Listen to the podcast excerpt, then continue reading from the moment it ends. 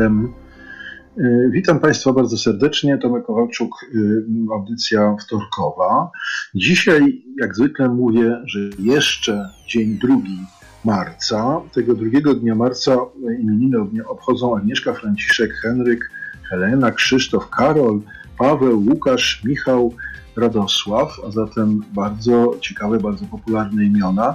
I jeśli ktoś z Was zapomniał o imieninach swoich bliskich, przyjaciół, rodziny, to bardzo proszę, żeby szybciutko jeszcze e, wysłał jakąś informację, jakąś, e, jakąś miłą, e, miłe, jakieś miłe życzenia tym właśnie solenizantom. Jutro, 3 marca, za to mm, imieniny będą chodzili Hieronin, Jakub, Samuel, Teodor, Tycjan, Piotr, a zatem jeśli macie takich znajomych, to też spróbujcie im złożyć życzenia. 2 marca 1864 roku, co może ciekawe z punktu widzenia historii Polski, e, nastąpił akt uwłaszczenia chłopów w Królestwie Polskim. E, to historia znana wszystkim ze szkoły. E, z, to uwłaszczenie edyktem carskim dokonał Aleksander II Romanow. W 1956 roku niepodległość od Francji uzyskało Maroko, e, a w 1962 roku zupełnie z innej beczki urodził się John Bon Jovi. E, w 1875 roku 3 marca w Montrealu odbył się pierwszy mecz mm, e, hokejowy, a w 1955 roku w telewizji zadebiutował Elvis Presley. Dzisiaj, czyli przepraszam, jutro urodziny e, obchodzi Jacek, e, obchodziłby Jacek Kuroń, a obchodzi Natalia Kukulska.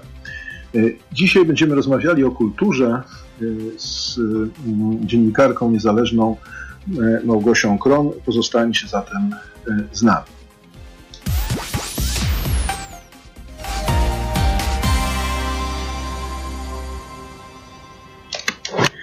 No właśnie. Kultura to jedna z dziedzin, które, które w dobie pandemii ucierpiały na różne sposoby. Ludzie kultury sobie na różne sposoby e, dawali radę. Też kultura jakoś zareagowała na koronawirusa, na sytuację pandemiczną, bo rzeczywistość jest zawsze pożywką dla kultury. E, postaramy się o tym porozmawiać z no, bardzo zasłużoną, znaną znakomitą dziennikarką, e, która specjalizuje się w sprawach kultury, e, mianowicie z Małgorzatą Kron. E, jeśli chcecie posłuchać naszej rozmowy, a mam nadzieję, że chcecie, to zostańcie, zostańcie z nami.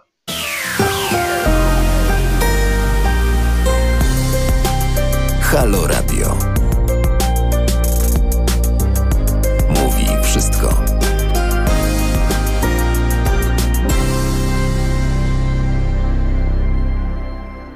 I mamy już 16 minut po godzinie 21. E, przypominam, Tomek Kowalczuk przy mm, mikrofonie Halo Radia. E, rozmawiamy dzisiaj o kulturze. Postanowiłem sobie porozmawiać z moją, no mam nadzieję, mogę powiedzieć przyjaciółką Małgorzatą Kron. Małgorzata Kron jest e, znakomitym dziennikarzem, niezależnym dziennikarzem zajmującym się kulturą. Bardzo się cieszę, że Małgosiu przyjęłaś moje zaproszenie do rozmowy. Dzień dobry, dobry wieczór. Dobry wieczór. Po pierwsze usłyszałam, że Radio Halo mówi wszystko. No to ja od razu odpowiadam. Nie mieszkam pod numerem 7, nie siedzę w fotelu, bo w ogóle nigdzie nie usiedzę, ale zgadzam się z e, osobą, która napisała tekst, że nie ma nic gorszego niż artysta, któremu e, nic nie wyszło. No właśnie. No to powiedz teraz, Małgosiu, jakie, jak, jak to widzisz? To znaczy, tak jak obserwowałaś to, co się działo od roku y, w różnych rejestrach, to co, co to wydawało, znaczy... wydaje ci się naj, najistotniejsze w tym obrazie kultury od marca ubiegłego roku do dzisiaj, czyli w ciągu tego roku? Brzmi bardzo poważnie i dużo tematów w środku. Oczywiście zaczynam od mojego ukochanego teatru. I zaczynam od tego, że cały czas byłam w środku tego teatru. Nawet mm. jak teatry nie grały, bo na szczęście w niektórych teatrach były próby e, i mogłam w nich uczestniczyć. Przy okazji chciałam Państwu powiedzieć, że e, online to był bardzo dobry pomysł, ale na początku. E, ja natomiast od razu się przyznaję, że e, spektakli teatralnych online oglądać nie mogłam, bo dla mnie to po prostu no nie to. Może dlatego, że zbyt wiele ich oglądałam uh, od lat e, wielu, w końcu jestem teatrologiem z wykształcenia, ale dla mnie to jest odarcie tego, mówimy magia radia, no to online dla mnie nie ma magii teatru, chociaż bardzo się cieszyłam, że wiele osób mogło niektóre fantastyczne spektakle obejrzeć. Ale chciałabym, mhm. żebyśmy, żeby mogła opowiedzieć o tym, co przez ten czas wydawało mi się bardzo fajne, a nawet jestem przekonana, nie wydawało mi się, to nie będzie chronologicznie i nie o to chodzi, że chaotycznie, bo ani jedno, ani drugie, tylko po prostu emocjonalnie e, to, co e, zwróciło moją uwagę. Jest taki mhm. teatr, o którym nie wszyscy wiedzą. Foksal, e, pawilon Sarpu, czyli architekci. I tam od paru lat jest taki teatr, który się nazywa MEST, czyli Teatr Magdy Engelmagier i Szymona Turkiewicza. On zawsze pisze teksty, reżyseruje, ona robi kostiumy, albo, gra, albo ona gra sama, on nie gra. On jest kompozytorem, robi muzykę, albo z aktorami. I oni wymyślili tuż przed drugim zamknięciem teatrów zrobili premierę sztuki, która się nazywała Minimalsi. To czwórka aktorów, każdy mówił swoje teksty. I na przykład, e, i to jest właściwie o nas, bo ja byłam zdziwiona, że tak na podstawie e, słuchania ich można odnieść wrażenie, że mówimy o sobie. Na przykład ona, mm, e, czyli Magda Engelmeier, to jest tylko fragment, mówiła tak, czepiam się wszystkich. Nic mi się nie podoba. No, jakiegoś faceta kiedyś zobaczyłam. No i patrzę, dobrze ubrany, jak od krawca z wanny i perfuma świetna, ale coś mi w nim nie pasuje. Do czegoś się trzeba przyczepić. A, już wiem. Głos ma okropny. Och Boże, miałam się do niczego nie przyczepiać. I y, czasem mi się zdaje, to już mówię świadomie, że czasem i mi się zdaje, coraz więcej jest takich ludzi, że się czepiamy. Może w pandemii się bardziej czepiamy, ale o tym to sobie, wiesz, myślę o nas samych, nie tylko mhm. kulturalnie porozmawiamy na końcu.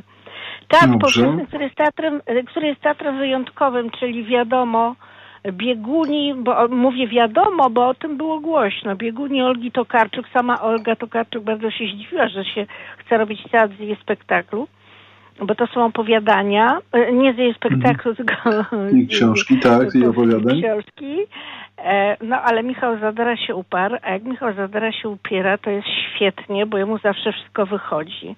No i tym razem też mu wyszło świetnie, bo się okazało, że to, co niemożliwe, może być e, możliwe. A jeszcze na dodatek, y, tak dawno nie widziałam tak świetnej zespołowej gry aktorskiej jak w Teatrze Powszechnym właśnie na, na biegunach Mig, y, Michała Zadary.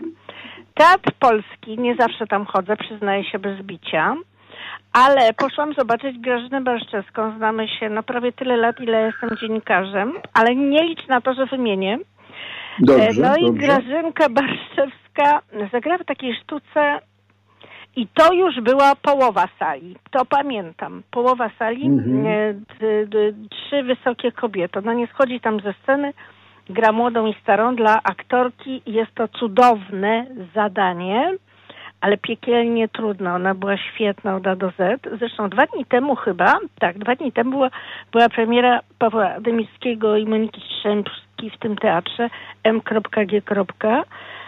No i ona też tam grała i naprawdę wielka szkoda, że e, tylko pół widowni to ogląda. To jest dla mnie w ogóle największy ból.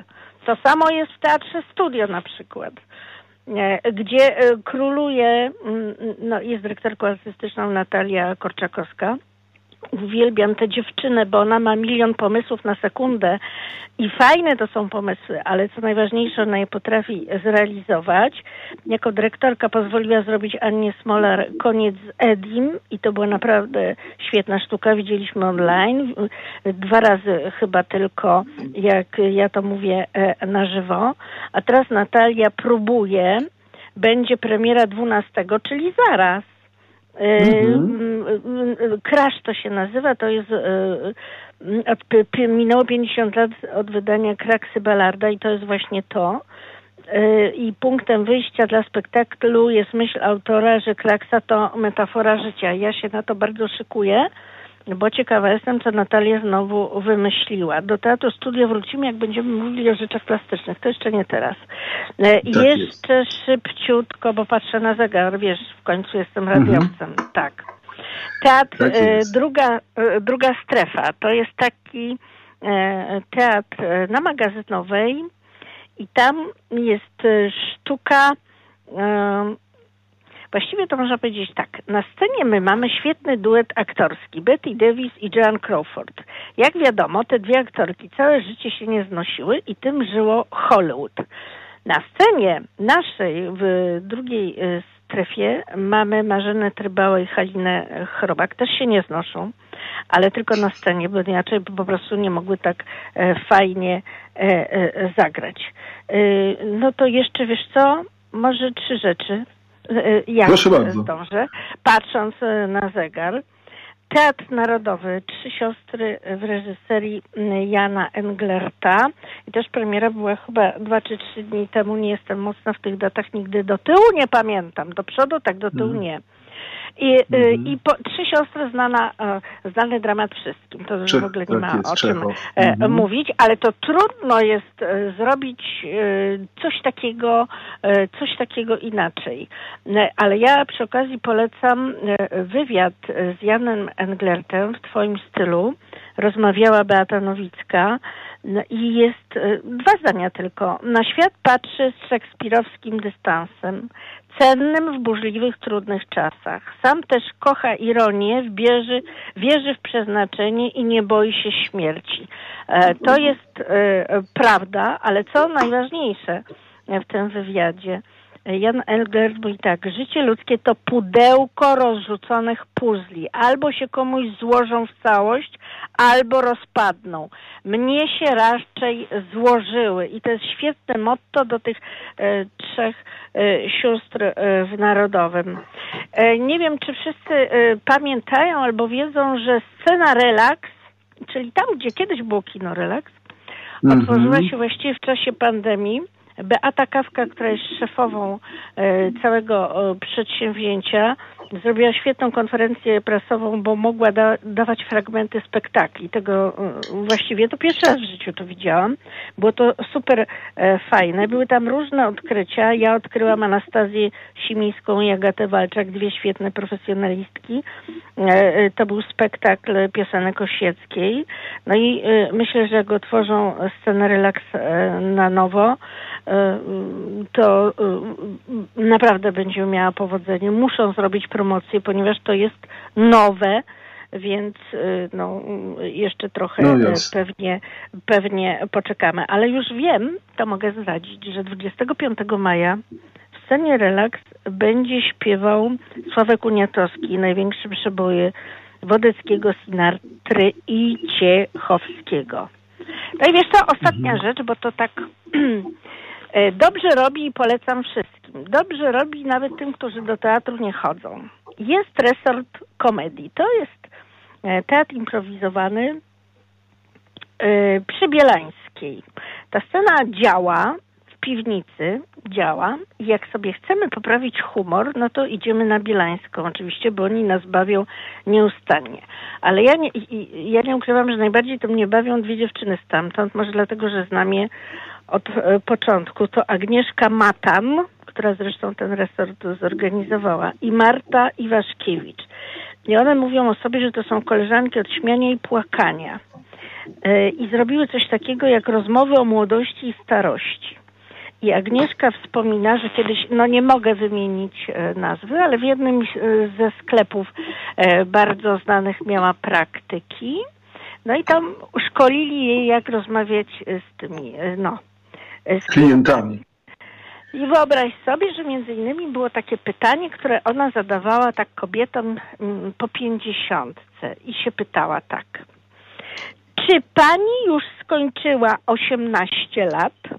Agnieszka mówiła, że to zawsze działało i ona między innymi to wykorzystała w tych rozmowach o młodości i starości. A że to są podcasty, które teraz nas mhm. zalewają wszędzie, to jest moda moda, ale i dobra rzecz, to ja polecam rozmowy o młodości i starości Agnieszki Matan i Marty Iwaszkiewicz. Podcasty oczywiście na stronie resortu komedii. Każdemu to poprawi humor, zaręczam. E, Małgosiu, e, no jak przystało na znakomitą dziennikarkę, nie dałaś mi dojść do słowa. E, no ale to, dlaczego ty ale... tylko możesz to robić? Ja też mogę czasem. to, to przyjemność ciebie wysłuchać, szczególnie, że rzeczywiście tę mapę masz no, opracowaną w drobiazgach.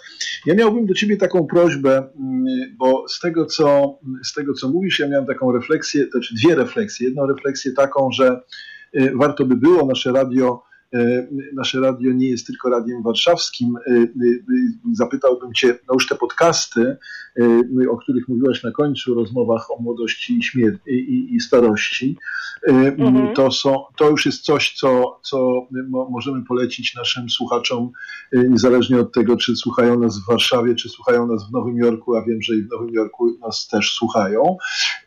To, to jest jedno pytanie, jak to widzisz, czy masz jakiś ogląd, y, pewnie nie tak szczegółowy, ale jakiś ogląd tego, co się dzieje w teatrach nie tylko warszawskich.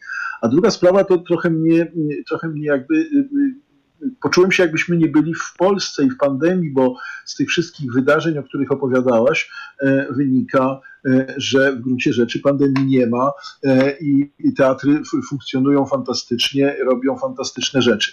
Pozwolisz, że za chwilę wrócimy do tej rozmowy, więc dam Ci chwilę mhm. na przygotowanie odpowiedzi, a my y, za chwilę wrócimy do naszej, do naszej rozmowy. Zostańcie z nami.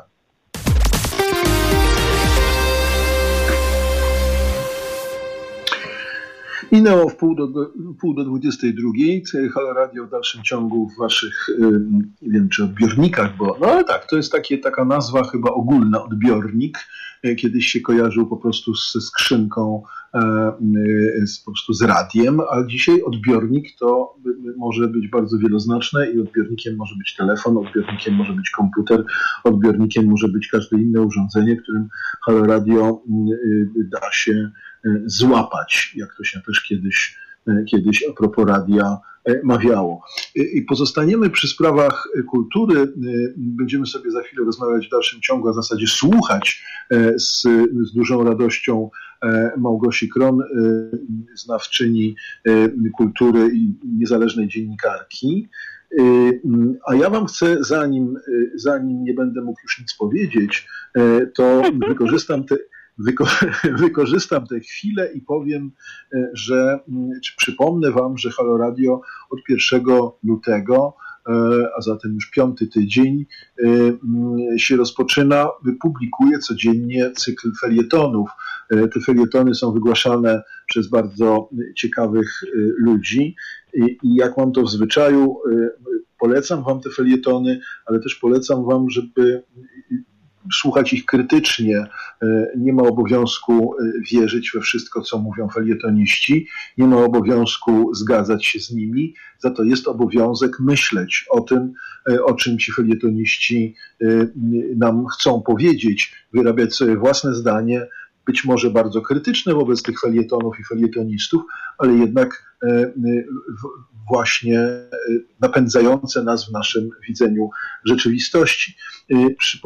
Mogę Wam powiedzieć, że już jutro od rana o 9.50 Joanna Szojron-Wielgus, e, o 12.50 Janusz Daszczyński, o 14.50 Jarosław Włodarczyk, a jeszcze dzisiaj o 22.50, czyli e, tuż po moim programie, po naszym programie z Małgosią, e, felieton wygłosi profesor Marcin Matczak. Serdecznie zapraszam do słuchania felietonów.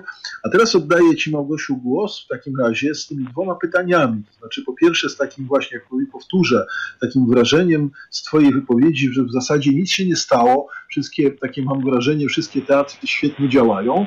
To jest jedna rzecz. I ta druga rzecz zupełnie z innej E, jak to się dawniej mawiało, parafii, e, to znaczy to pytanie o to, czy masz jakieś rozeznanie co do tego, co w Polsce się dzieje w innych teatrach, w Krakowie, we Wrocławiu, w Poznaniu, e, w tych silnych ośrodkach no, akademickich pewnie też, ale teatralnych, które które również, które również przecież w pandemii sobie jakoś muszą radzić.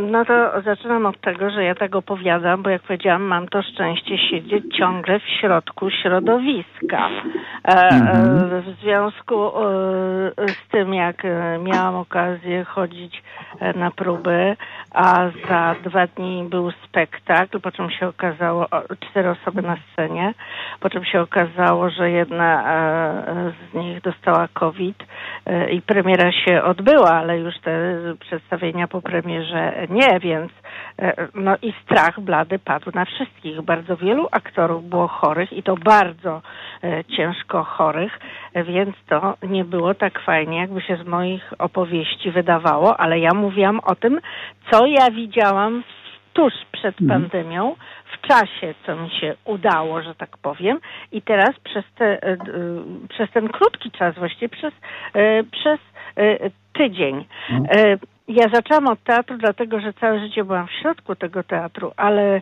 zaczęłam od teatru także dlatego, że moim zdaniem najbardziej, y, wszystkich artystów to dotknęło, ale najbardziej dotknęła pandemia aktorów. Grać y, koncert y, można, że tak powiem, online, chociaż bez widowni, y, jakoś nie jest to tak straszne. Dla aktora brak widowni jest rzeczą naprawdę tragiczną. E, e, aktorzy to jest bardzo cienka, skomplikowana e, materia i, i, naprawdę niektórym było bardzo, bardzo trudno i mówili do mnie, ja zaraz dostanę, przepraszam za kolokwializm, ja dostanę za chwilę fiksacji, ja już nie wiem, co ja mam robić. Bo jeżeli mhm. ktoś ma zorganizowany dzień, dziesiąta 14 próby i wieczorem spektakl, w środku radio. E, no to były dawne czasy i telewizja. E, no to funkcjonuje zupełnie inaczej, ale bez teatru wieczornego funkcjonować po prostu nie potrafi, bo to się odziera takiego człowieka z jakiejś części jego jestestwa, bym powiedziała. Mał, Małgosiu, jeśli, tak mi wolno, mhm. jeśli mi wolno wpaść w słowo, e, to mhm. powiem Ci tak, że trochę mam wrażenie, że jak zwykle w życiu punkt widzenia zależy od punktu siedzenia. siedzenia ja, mam, tak. ja, mam takie, ja mam takie doświadczenie z naszego Halo Radia, w którym miałem przyjemność rozmawiać no, już prawie rok temu z Kubą Sienkiewiczem i dwa tygodnie temu z Andrzejem Sikorowskim, y, z, oczywiście z, z grupy Podbudą, która, y, która y, właśnie dwa miesiące temu hucznie ogłoś, obchodziła swoje 50-lecie. I zarówno Kuba Sienkiewicz i Andrzej Sikorowski mówili dokładnie to samo, co ty teraz mówisz od strony, od strony muzycznej.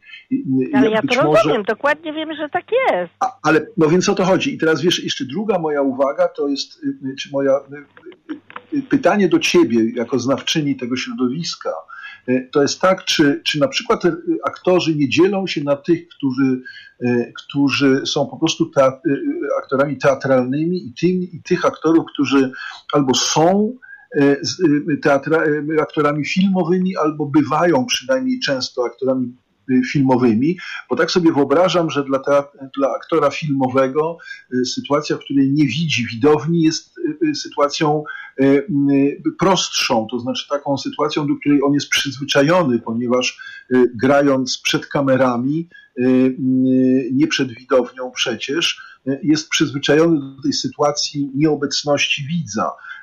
Może, mo, może jest jakaś różnica między tymi aktorami? Czy, czy spostrzegłaś wśród swoich znajomych taką, e, taką dystynkcję, czy nie? ja ci coś powiem. Mm, różnica to jest przede wszystkim w profesjonalizmie. Nie każdy jest Januszem no tak. Gajosem i jest jednocześnie hmm. świetny w filmie i w teatrze, że się ograniczę do jednego nazwiska. E, seriale filmowe były kręcone, ale E, aktorzy też chorowali. Często nie można było kontynuować e, pracy e, serialowej. No, są tacy aktorzy, którzy zdecydowanie wolą teatr niż film i uważają, że tylko tam się sprawdzają i tylko tam tworzą najlepiej. Ja się z tym zgadzam. Bo to, no to, jest, po prostu, to jest po prostu jedyne, no. jedyne prawdziwe aktorstwo dla niektórych. No aktorów. dokładnie. Stary Bogdziewicz, reżyser, mówił tak – no ja tak dokładnie nie powtórzę, bo nie wolno wyrazów używać, e, ale mówił tak. Czy aktor patrzy na piękną kobiecą pupę, czy na kotlet schabowy, to jest tylko kwestia montażu. No i już tak mniej więcej wiadomo, co chciał powiedzieć. E, słuchaj, wracajmy do, mm, wróćmy do tego, co się dzieje w Polsce. W Polsce. Ja tak. mówiłam najwięcej o Warszawie, bo to mam najbliżej. Ja lubię mówić o rzeczach, które widziałam. Nienawidzę mówić o rzeczach, których nie widziałam, więc zawsze wiesz, jak mówię w radiu, to o filmie, który widziałam, o książce, którą przeczytałam i tak dalej. Ja wiem, co się dzieje w, w kraju, ale wielu rzeczy nie widziałam. Poza mhm. jedną rzecz zaraz opowiem. Wiem, że w, w Łodzi e, w teatrach e, szykuje się, w, Teatrze Jaracza bodaj, szykuje się premiera. Wiem, że we Wrocławiu w Polskim szykuje się premiera, więc to nie jest tak, że teatry zamarły.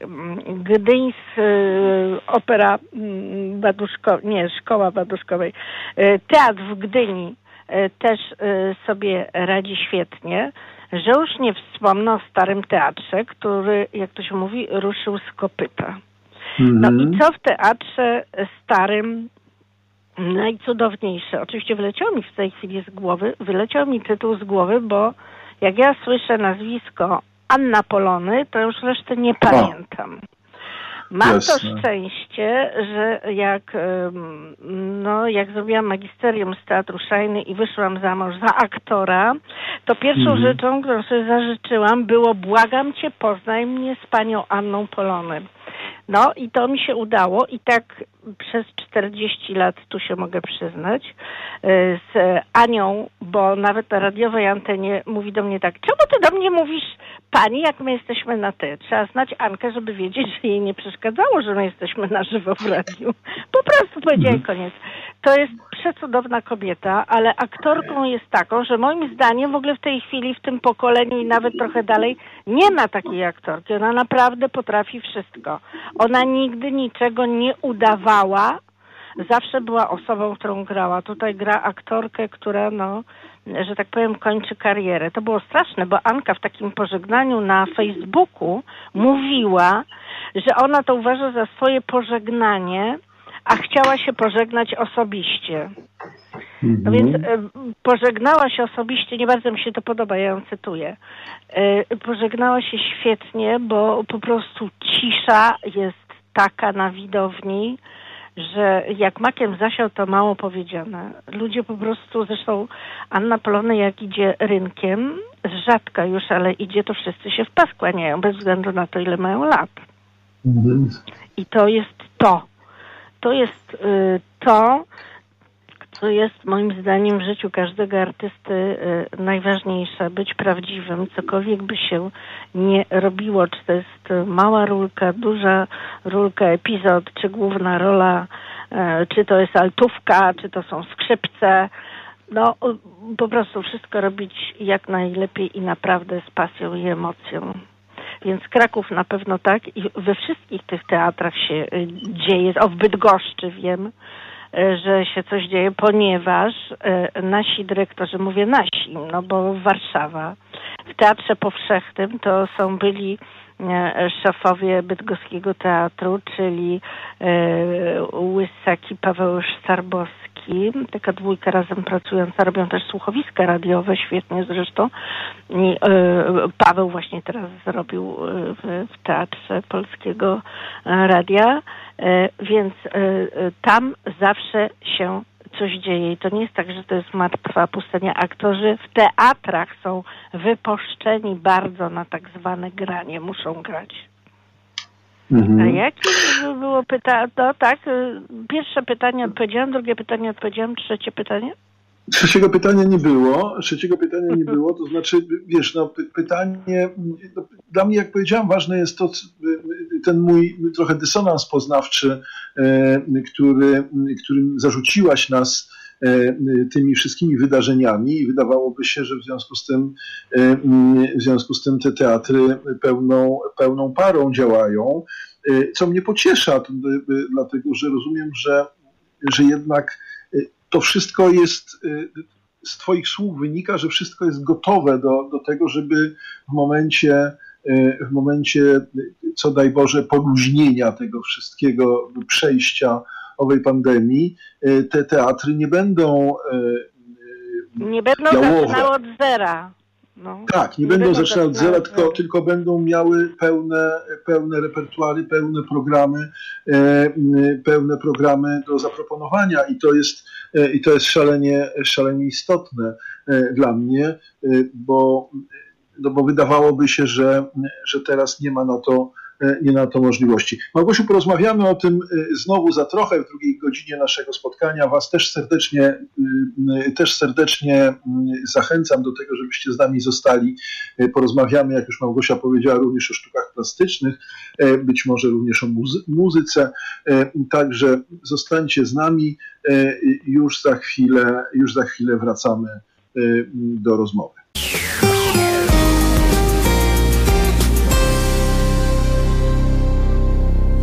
I pozostało jeszcze niecałe 9 minut do godziny 22.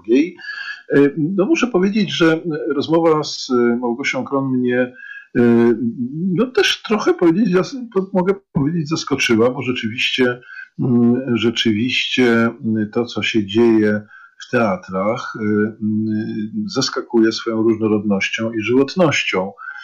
I możemy liczyć na to, że, mm, że to wszystko nam trochę wybuchnie E, kiedy będziemy mogli już chodzić do teatrów, to, mm, to te teatry mm, nie będą odgrzewały, jak to się pewnie potocznie mówi, starych kotletów i starych przedstawień, ale będą miały e, całkiem dużo nowych, ciekawych przedstawień.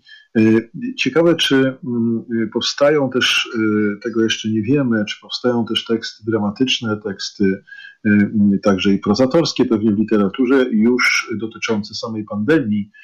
Wydaje się, że lada moment takie teksty, takie teksty powinny powstać, ponieważ y, pandemia jest takim i ludzkie zachowania, ludzkie postawy y, są e, właściwie wymarzonym, e, wymarzonym tworzywem dla artystów, czymś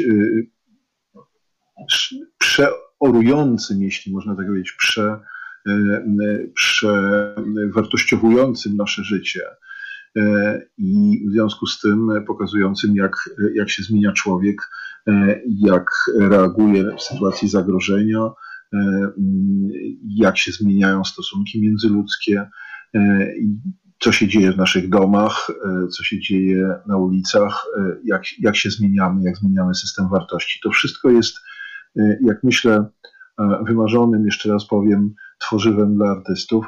W związku z tym z niecierpliwością czekam na pierwsze, e, na pierwsze filmy, na pierwsze, e, na pierwsze właśnie sztuki teatralne i na pierwsze powieści, opowiadania, które o tych sprawach będą mówiły. To może być fascynujące.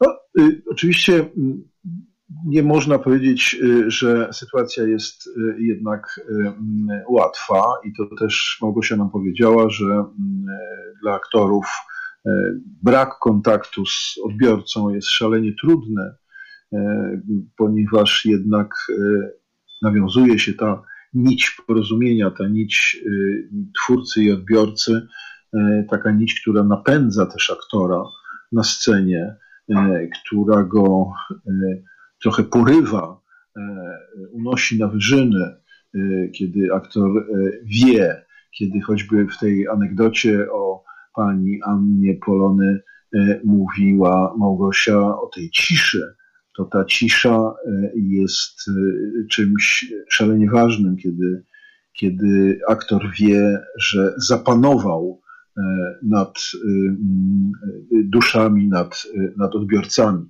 To jest, to, to jest szalenie istotne i tego online nie słychać, chociaż pewnie jest cisza, ale nie taka cisza, jaką byśmy sobie wymarzyli, jaką możemy usłyszeć w teatrze. Zostańcie z nami, już za chwilę wrócimy do naszej rozmowy. Po wiadomościach będziemy znowu rozmawiać z Małgosią Kron. Halo Radio. Mówi wszystko. 22.07.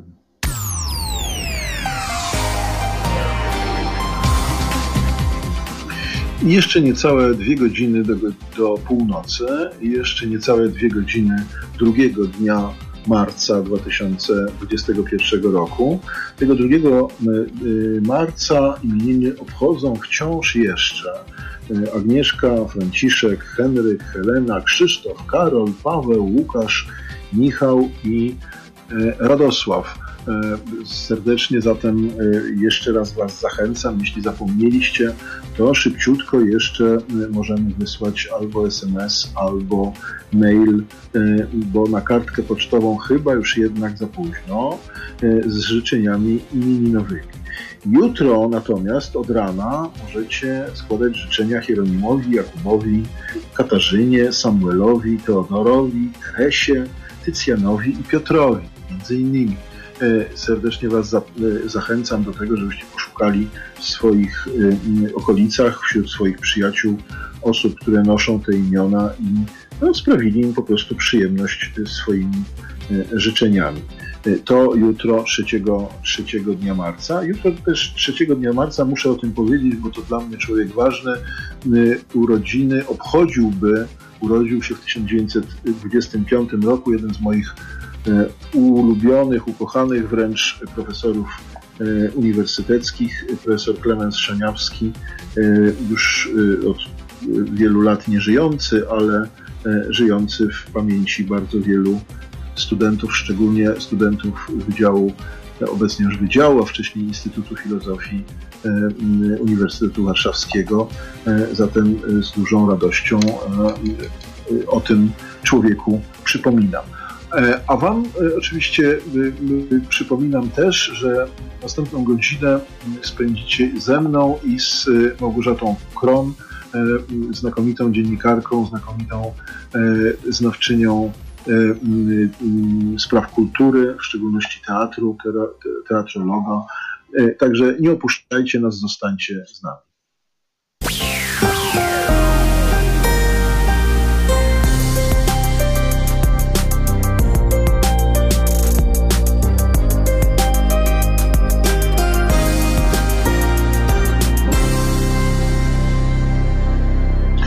I już prawie 17 minut po godzinie 22 zostało nam jeszcze pół godziny e, rozmowy na temat tego, co w kulturze e, w czasie pandemii piszczy. Przypominam, e, że przed mikrofonem Tomek Kowalczuk, a ze mną w rozmowie zaangażowana jest Małgosia Kron, dziennikarka niezależna, teatrolog, wspaniały znawca teatru w szczególności, ale kultury w ogóle.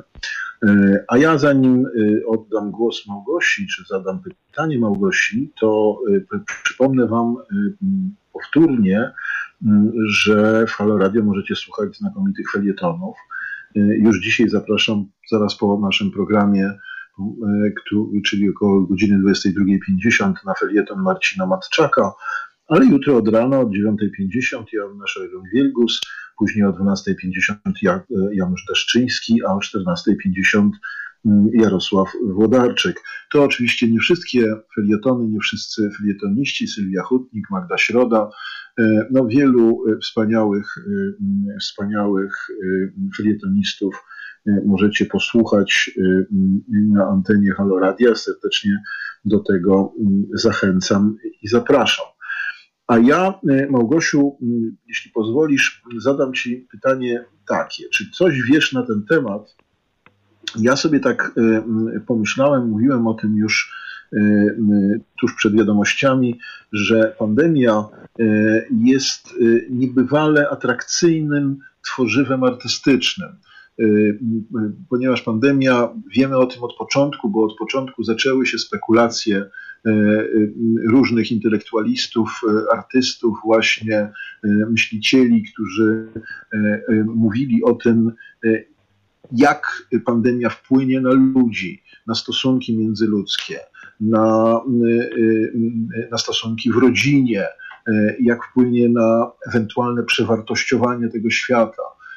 I tak sobie myślę, że pandemia może być, może być genialnym tworzywem zarówno dla, dla refleksji filozoficznej, takiej trochę w stylu Camus czy Sartra, mówiącej o zagrożeniu i o byciu człowieka wobec zagrożenia, ale z drugiej strony może być też takim tworzywem powiedziałbym, iście barejowskim, szczególnie w naszej rzeczywistości polskiej, w której mo możemy do tej pandemii podchodzić zarówno w sferze społecznej, jak i na przykład w sferze relacji rodzinnych w, w sposób no, karykaturalny, groteskowy być może, może szyderczy, a może po prostu, może po prostu z pewnym przymrużeniem oka i z, i z, z takim bezpretensjonalnym humorem.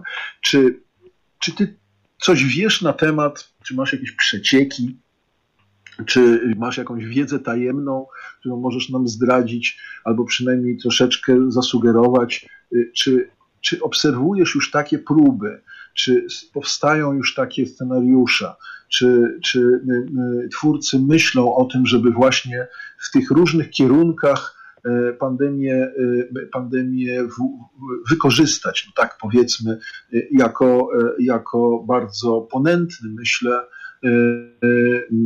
temat artystyczny. No na pewno tak jest. Co do tego to ja nie mam żadnych wątpliwości, tylko chociaż nikt się na razie z tym nie ujawnia. E, ja mhm. myślę, że to, o czym ty powiedziałeś na, wstęp, na wstępie do mnie, to powinna być puenta naszej rozmowy. Ja sobie nie mogę odmówić, yy, przepraszam cię Tomku, jednej rzeczy. Ty wspomniałeś o Klemensie Szaniawskim. To tak. też jest, to też jest kultura. Ja miałam to szczęście, że na początku swojej E, działalności dziennikarskiej, radiowej miałam okazję z panem profesorem porozmawiać. To był człowiek tak ogromnej kultury, ja nie mówię wiedzy, bo to jest w ogóle poza wszelką dyskusją, ale tak ogromnej y, kultury. On mnie przyjął na krakowskim przedmieściu. Oczywiście wstał, oczywiście wyszedł z zabiórka, podszedł do mnie i czekał, aż ja wyciągnę do niego rękę Potem mhm. przysunął mi krzesło do swojego biurka, zapytał, czy mam ochotę na kawę, herbatę albo wodę i dopiero wtedy powiedział do mnie, a teraz pani służę.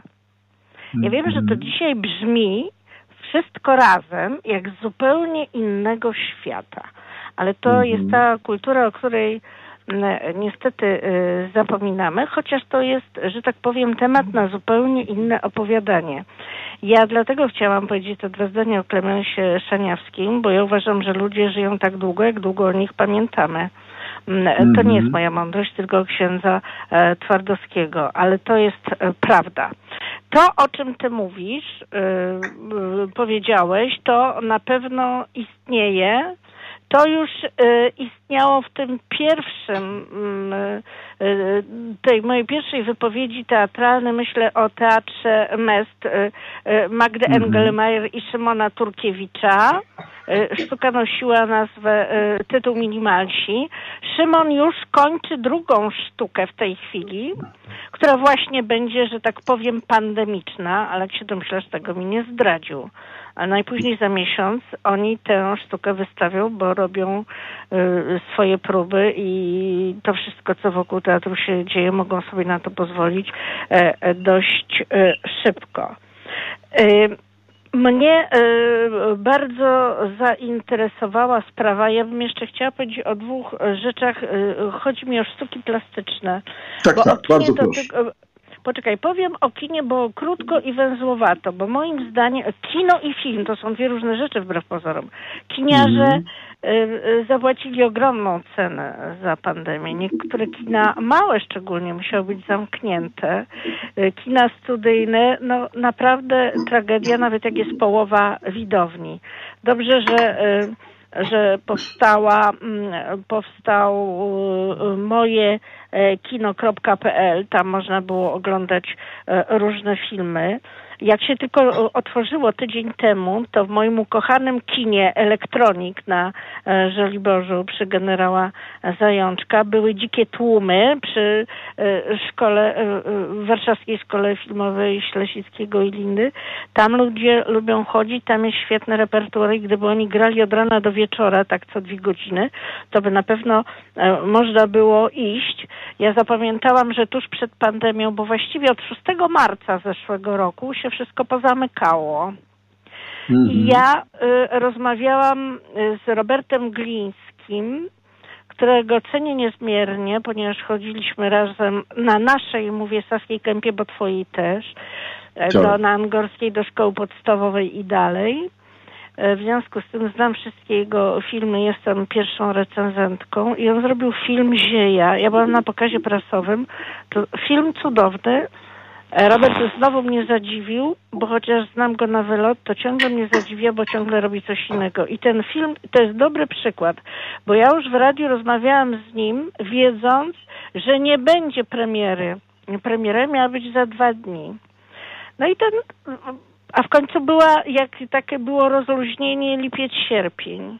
Ale to już mhm. było nie to, bo już nie było tej promocji. Film musi mieć promocję. Nie było promocji, nie było tego mówienia, nie było tych pokazów, nie było tych spotkań i film przemknął. I to strasznie. Dla filmów pandemii strasznie, mimo że tych filmów oczywiście y, y, mniej y, powstawało. I jeszcze jeden przykład, to jest bardzo dziwnie zabrzmi, ale to jest prawda. Online w muzeach. Wydawałoby się, że do tego zawsze mieliśmy dostęp. Pandemia nam do tego nie była potrzebna, prawda? Tak. Ale nasze muzea tego nie robiły. Mogłeś sobie zajrzeć do British Museum, a obawiam się, że polskie, albo ja czegoś nie wiem, co jest całkiem możliwe. Y, takich rzeczy jak wystawy online nie robiły. I Muzeum Literatury Warszawskie zrobiło coś fantastycznego, bo przedtem zrobili e, wystawę taką, e, którą chcieli wszyscy obejrzeć w Polsce. To była wystawa August Zamojski Myśleć e, w kamieniu. Nie dosyć, że to był arystokrata, wyrzucony, wyklęty przez rodzinę. Nie dosyć, że w Polsce go żeśmy w ogóle nie znali, bo on prawie całe życie był za granicą. Krowy hodował pod Rio, rzeźbił w kamieniu, zakładał szkoły e, plastyczne, e, robił filmy, był przyjacielem Witkacego, robił filmy i na tej wystawie w Muzeum Literatury były filmy, gdzie Witkacy robił swoje straszne miny, to to wszyscy wiemy, ale po raz pierwszy można było to zobaczyć. Sam Zamojski nie był tylko rzeźbiarzem, ale on mówił tak, używam życia, trenuję muskuły, biegam, robię skakankę, tańczę, wspinam się po górach, jeżdżę na nartach, śpię na śniegu. Poza rzeźbą nie znam wyższej przyjemności, większej możliwości użycia życia jak sport. Cała rzeźba we własnym ruchu ciała. Zresztą na tej wystawie w Muzeum Literatury było takie zdjęcie, jak on, mm, y, taki jak go Pan Bóg stworzył, siedzi na wannie mhm. i odkręca wodę. I on sobie sam zrobił to zdjęcie. Rzeczywiście mhm. ciało rzeźba. Nawet się y, kuratorka, pani Anna Lipa, zastanawiała, czy dać to zdjęcie, ale bardzo dobrze, że to zrobiła.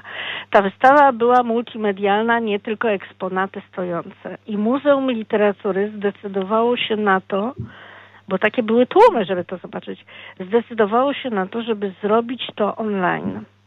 I długo, no to był pewno problem, bo nikt przedtem tego nie robił. Oni byli e, pierwsi i chwała e, Muzeum Literatury w Warszawie za to, że mogliśmy w Polsce obejrzeć wszyscy prawie wystawę pod tytułem August Zamojski Myśleć w kamieniu. Wystawa objeżdża Polskę więc y, wszyscy ją mogą zobaczyć, a wszystkie muzea polskie się o tę e, wystawę biły. I, I, jeszcze jedna rzecz i potem przejdziemy do, do e, czegoś, o czym mówiłeś na początku. Ja wspomniałam o Teatrze Studio, to y, nie ukrywam ważny dla mnie teatr z, z tytułu mojej szajnowskiej e, e, magisterki, więc byłam przy tym, jak teatr powstawał w 72 roku, jak e, Szajna mm, go stworzył i tam był teatr i była galeria. I właśnie teraz w Galerii mhm. Studio w Warszawie jest są obrazy z, z kolekcji y, galerii i jest cudowny katalog, bo jest książka, właściwie to takie zaproszenie do refleksji o historii tego miejsca, co nam się wszystkim y, bardzo przyda. I przeczytam tylko fragment, który jest cudowny tego katalogu. Różowy krąg na zielonym tle Wojciecha Fangora. Pulsuje tak energicznie, jakby miał własne zasilanie. Drgają czarne i białe piksele w obrazach Ryszarda Winiarskiego. Przepowiednia Jerzego Beresia zatarasowała teatralny korytarz. Niebieska abstrakcja Henryka Starzewskiego zawisła nad biurową kanapą. Poduszka erotyczna Barbary Falender przemieściła się do teatralnej garderoby ta galeria żyła zawsze i tam byli najwięksi malarze współcześni, wystarczą te nazwiska chociażby i wielu, e, wielu innych, więc ta wystawa jest. I wystawa jest czynna cały czas teraz w Galerii mm -hmm. Studio do 18 kwietnia. I naprawdę, nawet jak się ktoś Zapraszamy. kompletnie nie interesuje malarstwem współczesnym, to powinien to zobaczyć. No, Fangora oglądamy jeżdżąc metrem. Małgosiu, Druga linia metra to Fangor. Mhm. Małgosiu, postawmy, prze, postawmy, przecinek w tej chwili. Kropkę Wrócimy do naszej. Przy tym. mhm. Tak, nie, nie myślnik, nie kropkę, przecinek, legdwo i już za minutkę wrócimy do naszej rozmowy.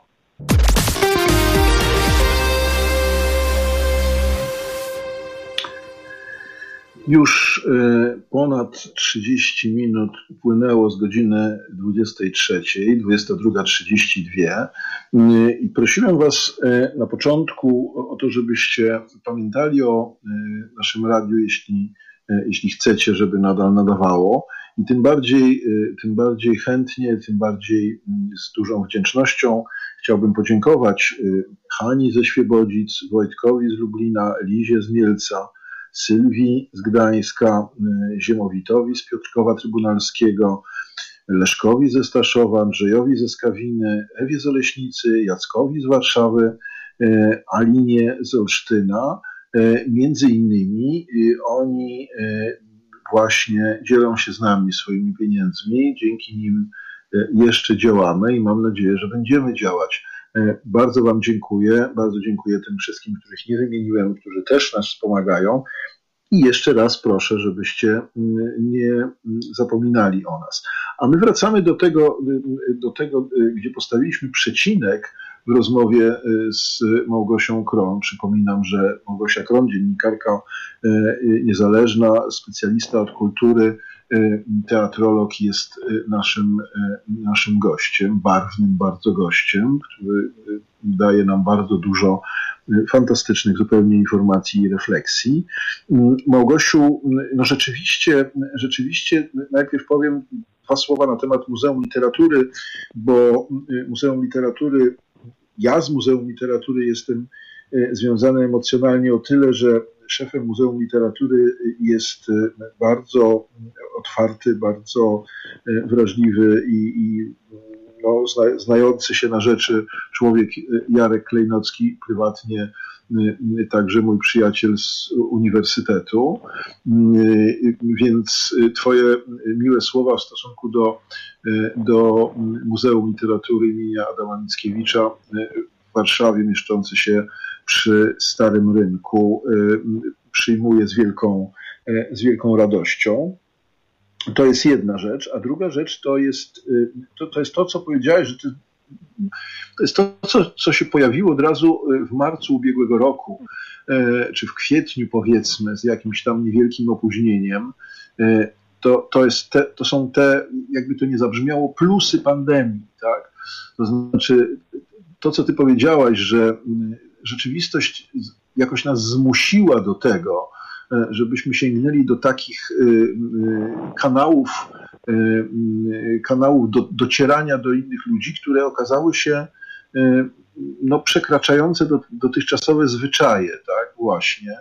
E, I mam nadzieję, że zagoszczą w naszej praktyce jednak na dłużej. To znaczy, że te wystawy, tak jak się powoła, powoływałaś na British Museum, czy inne muzea, które umożliwiają taki spacer po, po, po muzeach, e, właśnie online. Możemy dyskutować. Rozmawialiśmy, rozmawiałem o tym niedawno e, z Agnieszką Gniotek, właścicielką domu aukcyjnego Xanadu w Warszawie do jakiego stopnia nam jest potrzebna jednak świadomość stania przed tym konkretnym obrazem e, namalowanym przez tego konkretnego twórcę, e, żeby mieć w świadomości, e, że jednak patrzymy na dzieło jego rąk, a nie na ani na reprodukcję, ani, na, ani nie na przekaz online'owy.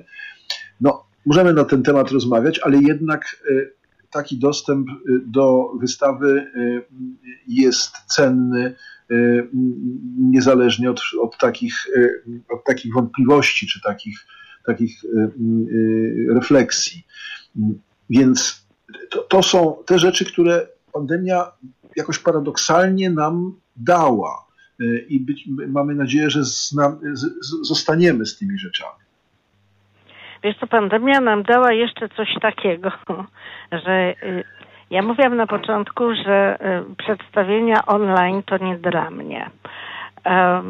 Sporo ludzi tak uważa, ale to online y, weszło do życia wielu z nas i ja podejrzewam, że ono już tam zostanie, bo choć wolimy iść na koncert, na żywo, bo teraz bez przerwy mówimy na żywo. Wiesz, kiedyś mówiliśmy tylko audycję na żywo, chodziło o radio, tak. teraz mówimy, że idziemy na koncert na żywo albo że y, idziemy do teatru na żywo. To zostanie dlatego, że to jest bardzo dobre dla ludzi mniejszych e, miejscowości, tam gdzie teatru nie ma, tam gdzie nie ma filharmonii, tam gdzie y, nikt z koncertami nie przyjeżdża. E, to jest także okazja dla tych, żeby zobaczyć spektakle czy koncerty, których się nie widziało, bo się nie mogło na nich być. E, to jest pierwsza sprawa. Jest teraz, powiedziałam na początku, moda na podcasty. Rzeczywiście widzę tę modę e, jest tego coraz więcej, ale też się temu, że tak powiem, nie sprzeciwiam ani nie oburzam, bo uważam, że to jest bardzo mm, e, dobra forma dotarcia E, do ludzi. Ja wiem, że niektórzy się denerwują tym, że mają dzieci ze zdalnym nauczaniem w domu, że wszyscy siedzą z nosem e, w komputerach i tak dalej, i tak dalej, że już się na początku pandemii wszyscy sobą nacieszyli, a teraz to już by woleli, żeby mama poszła do pracy albo Wojtek e, do szkoły, prawda? Ale mhm. są takie rzeczy, które zostaną. Poza tym wielu z nas nawet przy zdalnej pracy, będąc w domu, zauważyło pewne rzeczy, że to może by jeszcze uporządkować, a to by może znaleźć, a to by może zacząć coś, czego nigdy nie robiliśmy, a warto, bo mamy czas. Wiesz co, y, Małgosiu, Małgosiu, przepraszam Cię na moment, powiem Ci y, y, taką rzecz, o której, która myślę Cię zainteresuje i potwierdzi Twoje tezy. Szczególnie tę ostatnią. Moja rozmowa sprzed dosłownie kilku dni, z, jak już powiedziałem, z Agnieszką Gniotek, która jest właścicielką domu aukcyjnego i galerii Xanadu w Warszawie, powiedziała mi, że mm, w ostatnim roku rynek sztuki wzrósł prawie 30%, 29 o ile pamiętam dobrze procent. Czyli inaczej mówiąc, my rzeczywiście, tak jak ty mówisz, pomyśleliśmy sobie nie tylko o tym, o czym mówiła prasa, portale, że Polacy ruszyli do supermarketów budowlanych, żeby kupić farbę i odmalować to, co było do odmalowania od 10 lat, ale Polacy również pomyśleli sobie, że patrzą na pustą ścianę i być może na tej pustej ścianie warto by było zawiesić jakiś obraz, który, który byłby no, nie tylko reprodukcją słoneczników znaną nam z mieszkań w PRL-u, ale czymś, czymś jednak innym, czymś, czymś no rzeczywiście rzeczywistym, tak, w tym sensie, że będzie to ko konkretna praca e, e, jakiegoś artysty, e, który, która będzie po prostu przed, będzie sztuką w domu, tak? I to wydaje mi się, że to jest ten, te, ta tendencja, o której ty chyba mówisz. Tak, bo chodzę na aukcję do domu aukcyjnego przy Pięknej, uwielbiam mhm. i wystawy wystawy, bo za, wystawy są zawsze przedtem bezpłatne, potem są aukcje. Y, wy, y, I aukcje i wystawy młodej sztuki cieszą się ogromną popularnością. Mnie to nie przeszkadza, bo wiem, że sztuki dawnej, no można kupić y, Fangora Wyspiańskiego i Lenicę, ale nie każdy sobie może na to pozwolić. Chociaż ja się nie gorszę, jeżeli ludzie kupują Lenicę jako lokatę kapitału, bo wiem, że to jest dobry pomysł, jeżeli jeżeli e, tak to jest, e, e, jeżeli ta lokata kapitału w taki sposób jest realizowana. Mnie to nie przeszkadza absolutnie. No tak, mi, mi, ale wiesz co? Wiesz, mhm. Tak? Po, tak, tak, mów. mów nie, chciałem tylko, powiedzieć, chciałem tylko powiedzieć, jeśli ten Nica będzie wisiał na ścianie, tak? Dlatego, że, że to, to, jest, to, to jest to, co, co jest szalenie istotne, tak, żeby te, te czy Fangor. E, e, Zapewniam cię, że Fangor i Lenica będą wisieli na ścianach. Bardzo się Też cieszę. bym sobie powiesiła. Prawda? Jak najbardziej. Jak najbardziej. Ale wiesz, ponieważ na początku no, tego wejścia mówiliś, mówiłeś o e, przemianach i jak to ludzie traktują i jak e, żyją w tej pandemii w kulturze i nie tylko, e, to dwie godziny dzisiaj przed naszym spotkaniem rozmawiałam ze swoim uczniem, także dziennikarzem. Nie ma jeszcze 40 lat, ale jest wykładowcą akademickim, tak jak ty zresztą. I on do mnie mówi tak. Pani Małgosiu, ale ci młodzi ludzie, to oni w tej pandemii wariują. Oni w ogóle nie wiedzą, co ze sobą zrobić. Oni chodzą do jakichś psychologów. Mówię, to znaczy nie chodzą, tylko wszystko w tym, e, w komputerze oczywiście. Jakieś yes. tam wertują różne rzeczy nie, i mówią, że zwariują, za chwilę sobie w głowę strzelą i, i, i, i coś tam kombinują. I ja wiem, ale to według ciebie dobrze czy źle? A on mówi, ja się zacząłem zastanawiać nad taką rzeczą. Myśmy się nigdy do tego nie przyznawali. Oni się teraz przyznają, ale to jest bardzo dobrze, bo szukają pomocy. E, e, I ja myślę, że to jest e, też dobre w tej pandemii, że dawniej, nie tak dawno, znowu przed pandemią, ludzie na ogół nie bardzo się przyznawali, przyznawali że tak. depresja, tak. prawda? Że tak. tu nie wiedzą, co ze sobą zrobić, że tu są bezradni, a teraz szukają pomocy. To jest bardzo ważne. Taką pomocą no to... może być Fangor i Lenica na wystawie. No tak, tak, to na wystawie, tak, rzeczywiście, bo żeby... Albo teatr. Mhm. Tak, to już prędzej, bo żeby Fangora powiesić na ścianie, to tak jak mi mówiła, e, bo też o Fangorze rozmawialiśmy, wspomnieliśmy w rozmowie niedzielnej, jak mi mówiła e, Agnieszka e, Gniotek, trzeba kilku milionów złotych. Więc... Nie, no ja wiem, ale żartuję sobie, wiadomo o co chodzi. No. ja też, ja też. chodzi o to, że piękno podbudowuje po prostu, bo to są emocje. No, dla mnie to są emocje. Czyli rozumiem, rozumiem, że puentujemy trochę norwidowsko. E, to piękno jest nam potrzebne wokół nas. E, ono, e, czy herbertowsko, potęga smaku i piękno koło nas buduje naszą naszą tożsamość i buduje naszą no, rangę naszego człowieczeństwa, mówiąc może trochę górnolotnie, ale tak przecież jest. Małgosiu, e, bardzo... Poczekaj, powiem jedno zdanie jako puentę, bo to mi się bardzo, Bardzo podoba proszę. i to jest na czas pandemii cudowne. Cokolwiek potraf, cokolwiek potrafisz lub myślisz, że potrafisz, rozpocznij to. Odwaga ma w sobie geniusz, potęgę i magię. I powiedział to stary Goethe, wyobraź sobie. No proszę, no proszę. No. Y, y, Małgosiu, bardzo Ci dziękuję za fascynujące spotkanie. Wiedziałam, że tak będzie. Y, Dziękuję Ci bardzo. Wszystkiego dobrego, zdrowia przede wszystkim i, i, i wszystkiego dobrego Ci życzę i liczę na to, że jeszcze to powtórzymy. Dobrej nocy Tobie życzę. Dziękuję bardzo. I dziękuję wszystkim słuchaczom, bo słuchacze w radiu są najważniejsi. Najważniejsi, tak jest. A Wam, słuchaczom, w związku z tym e, tylko powiem, e, też podziękuję za obecność. Za chwilę Marcin Matczak, a ja zapraszam w niedzielę. E, mamy w tej chwili mistrzostwa w narciarstwie klasycznym. Za chwilę się zaczynają Mistrzostwa Europy lekkiej atletyce halowej. E, Będziemy zatem w niedzielę rozmawiać e, z Andrzejem Personem e, o tym, co w świecie sportowym się dzieje dla odmiany. Serdecznie zapraszam. Wszystkiego dobrego, dobrej nocy. Do usłyszenia.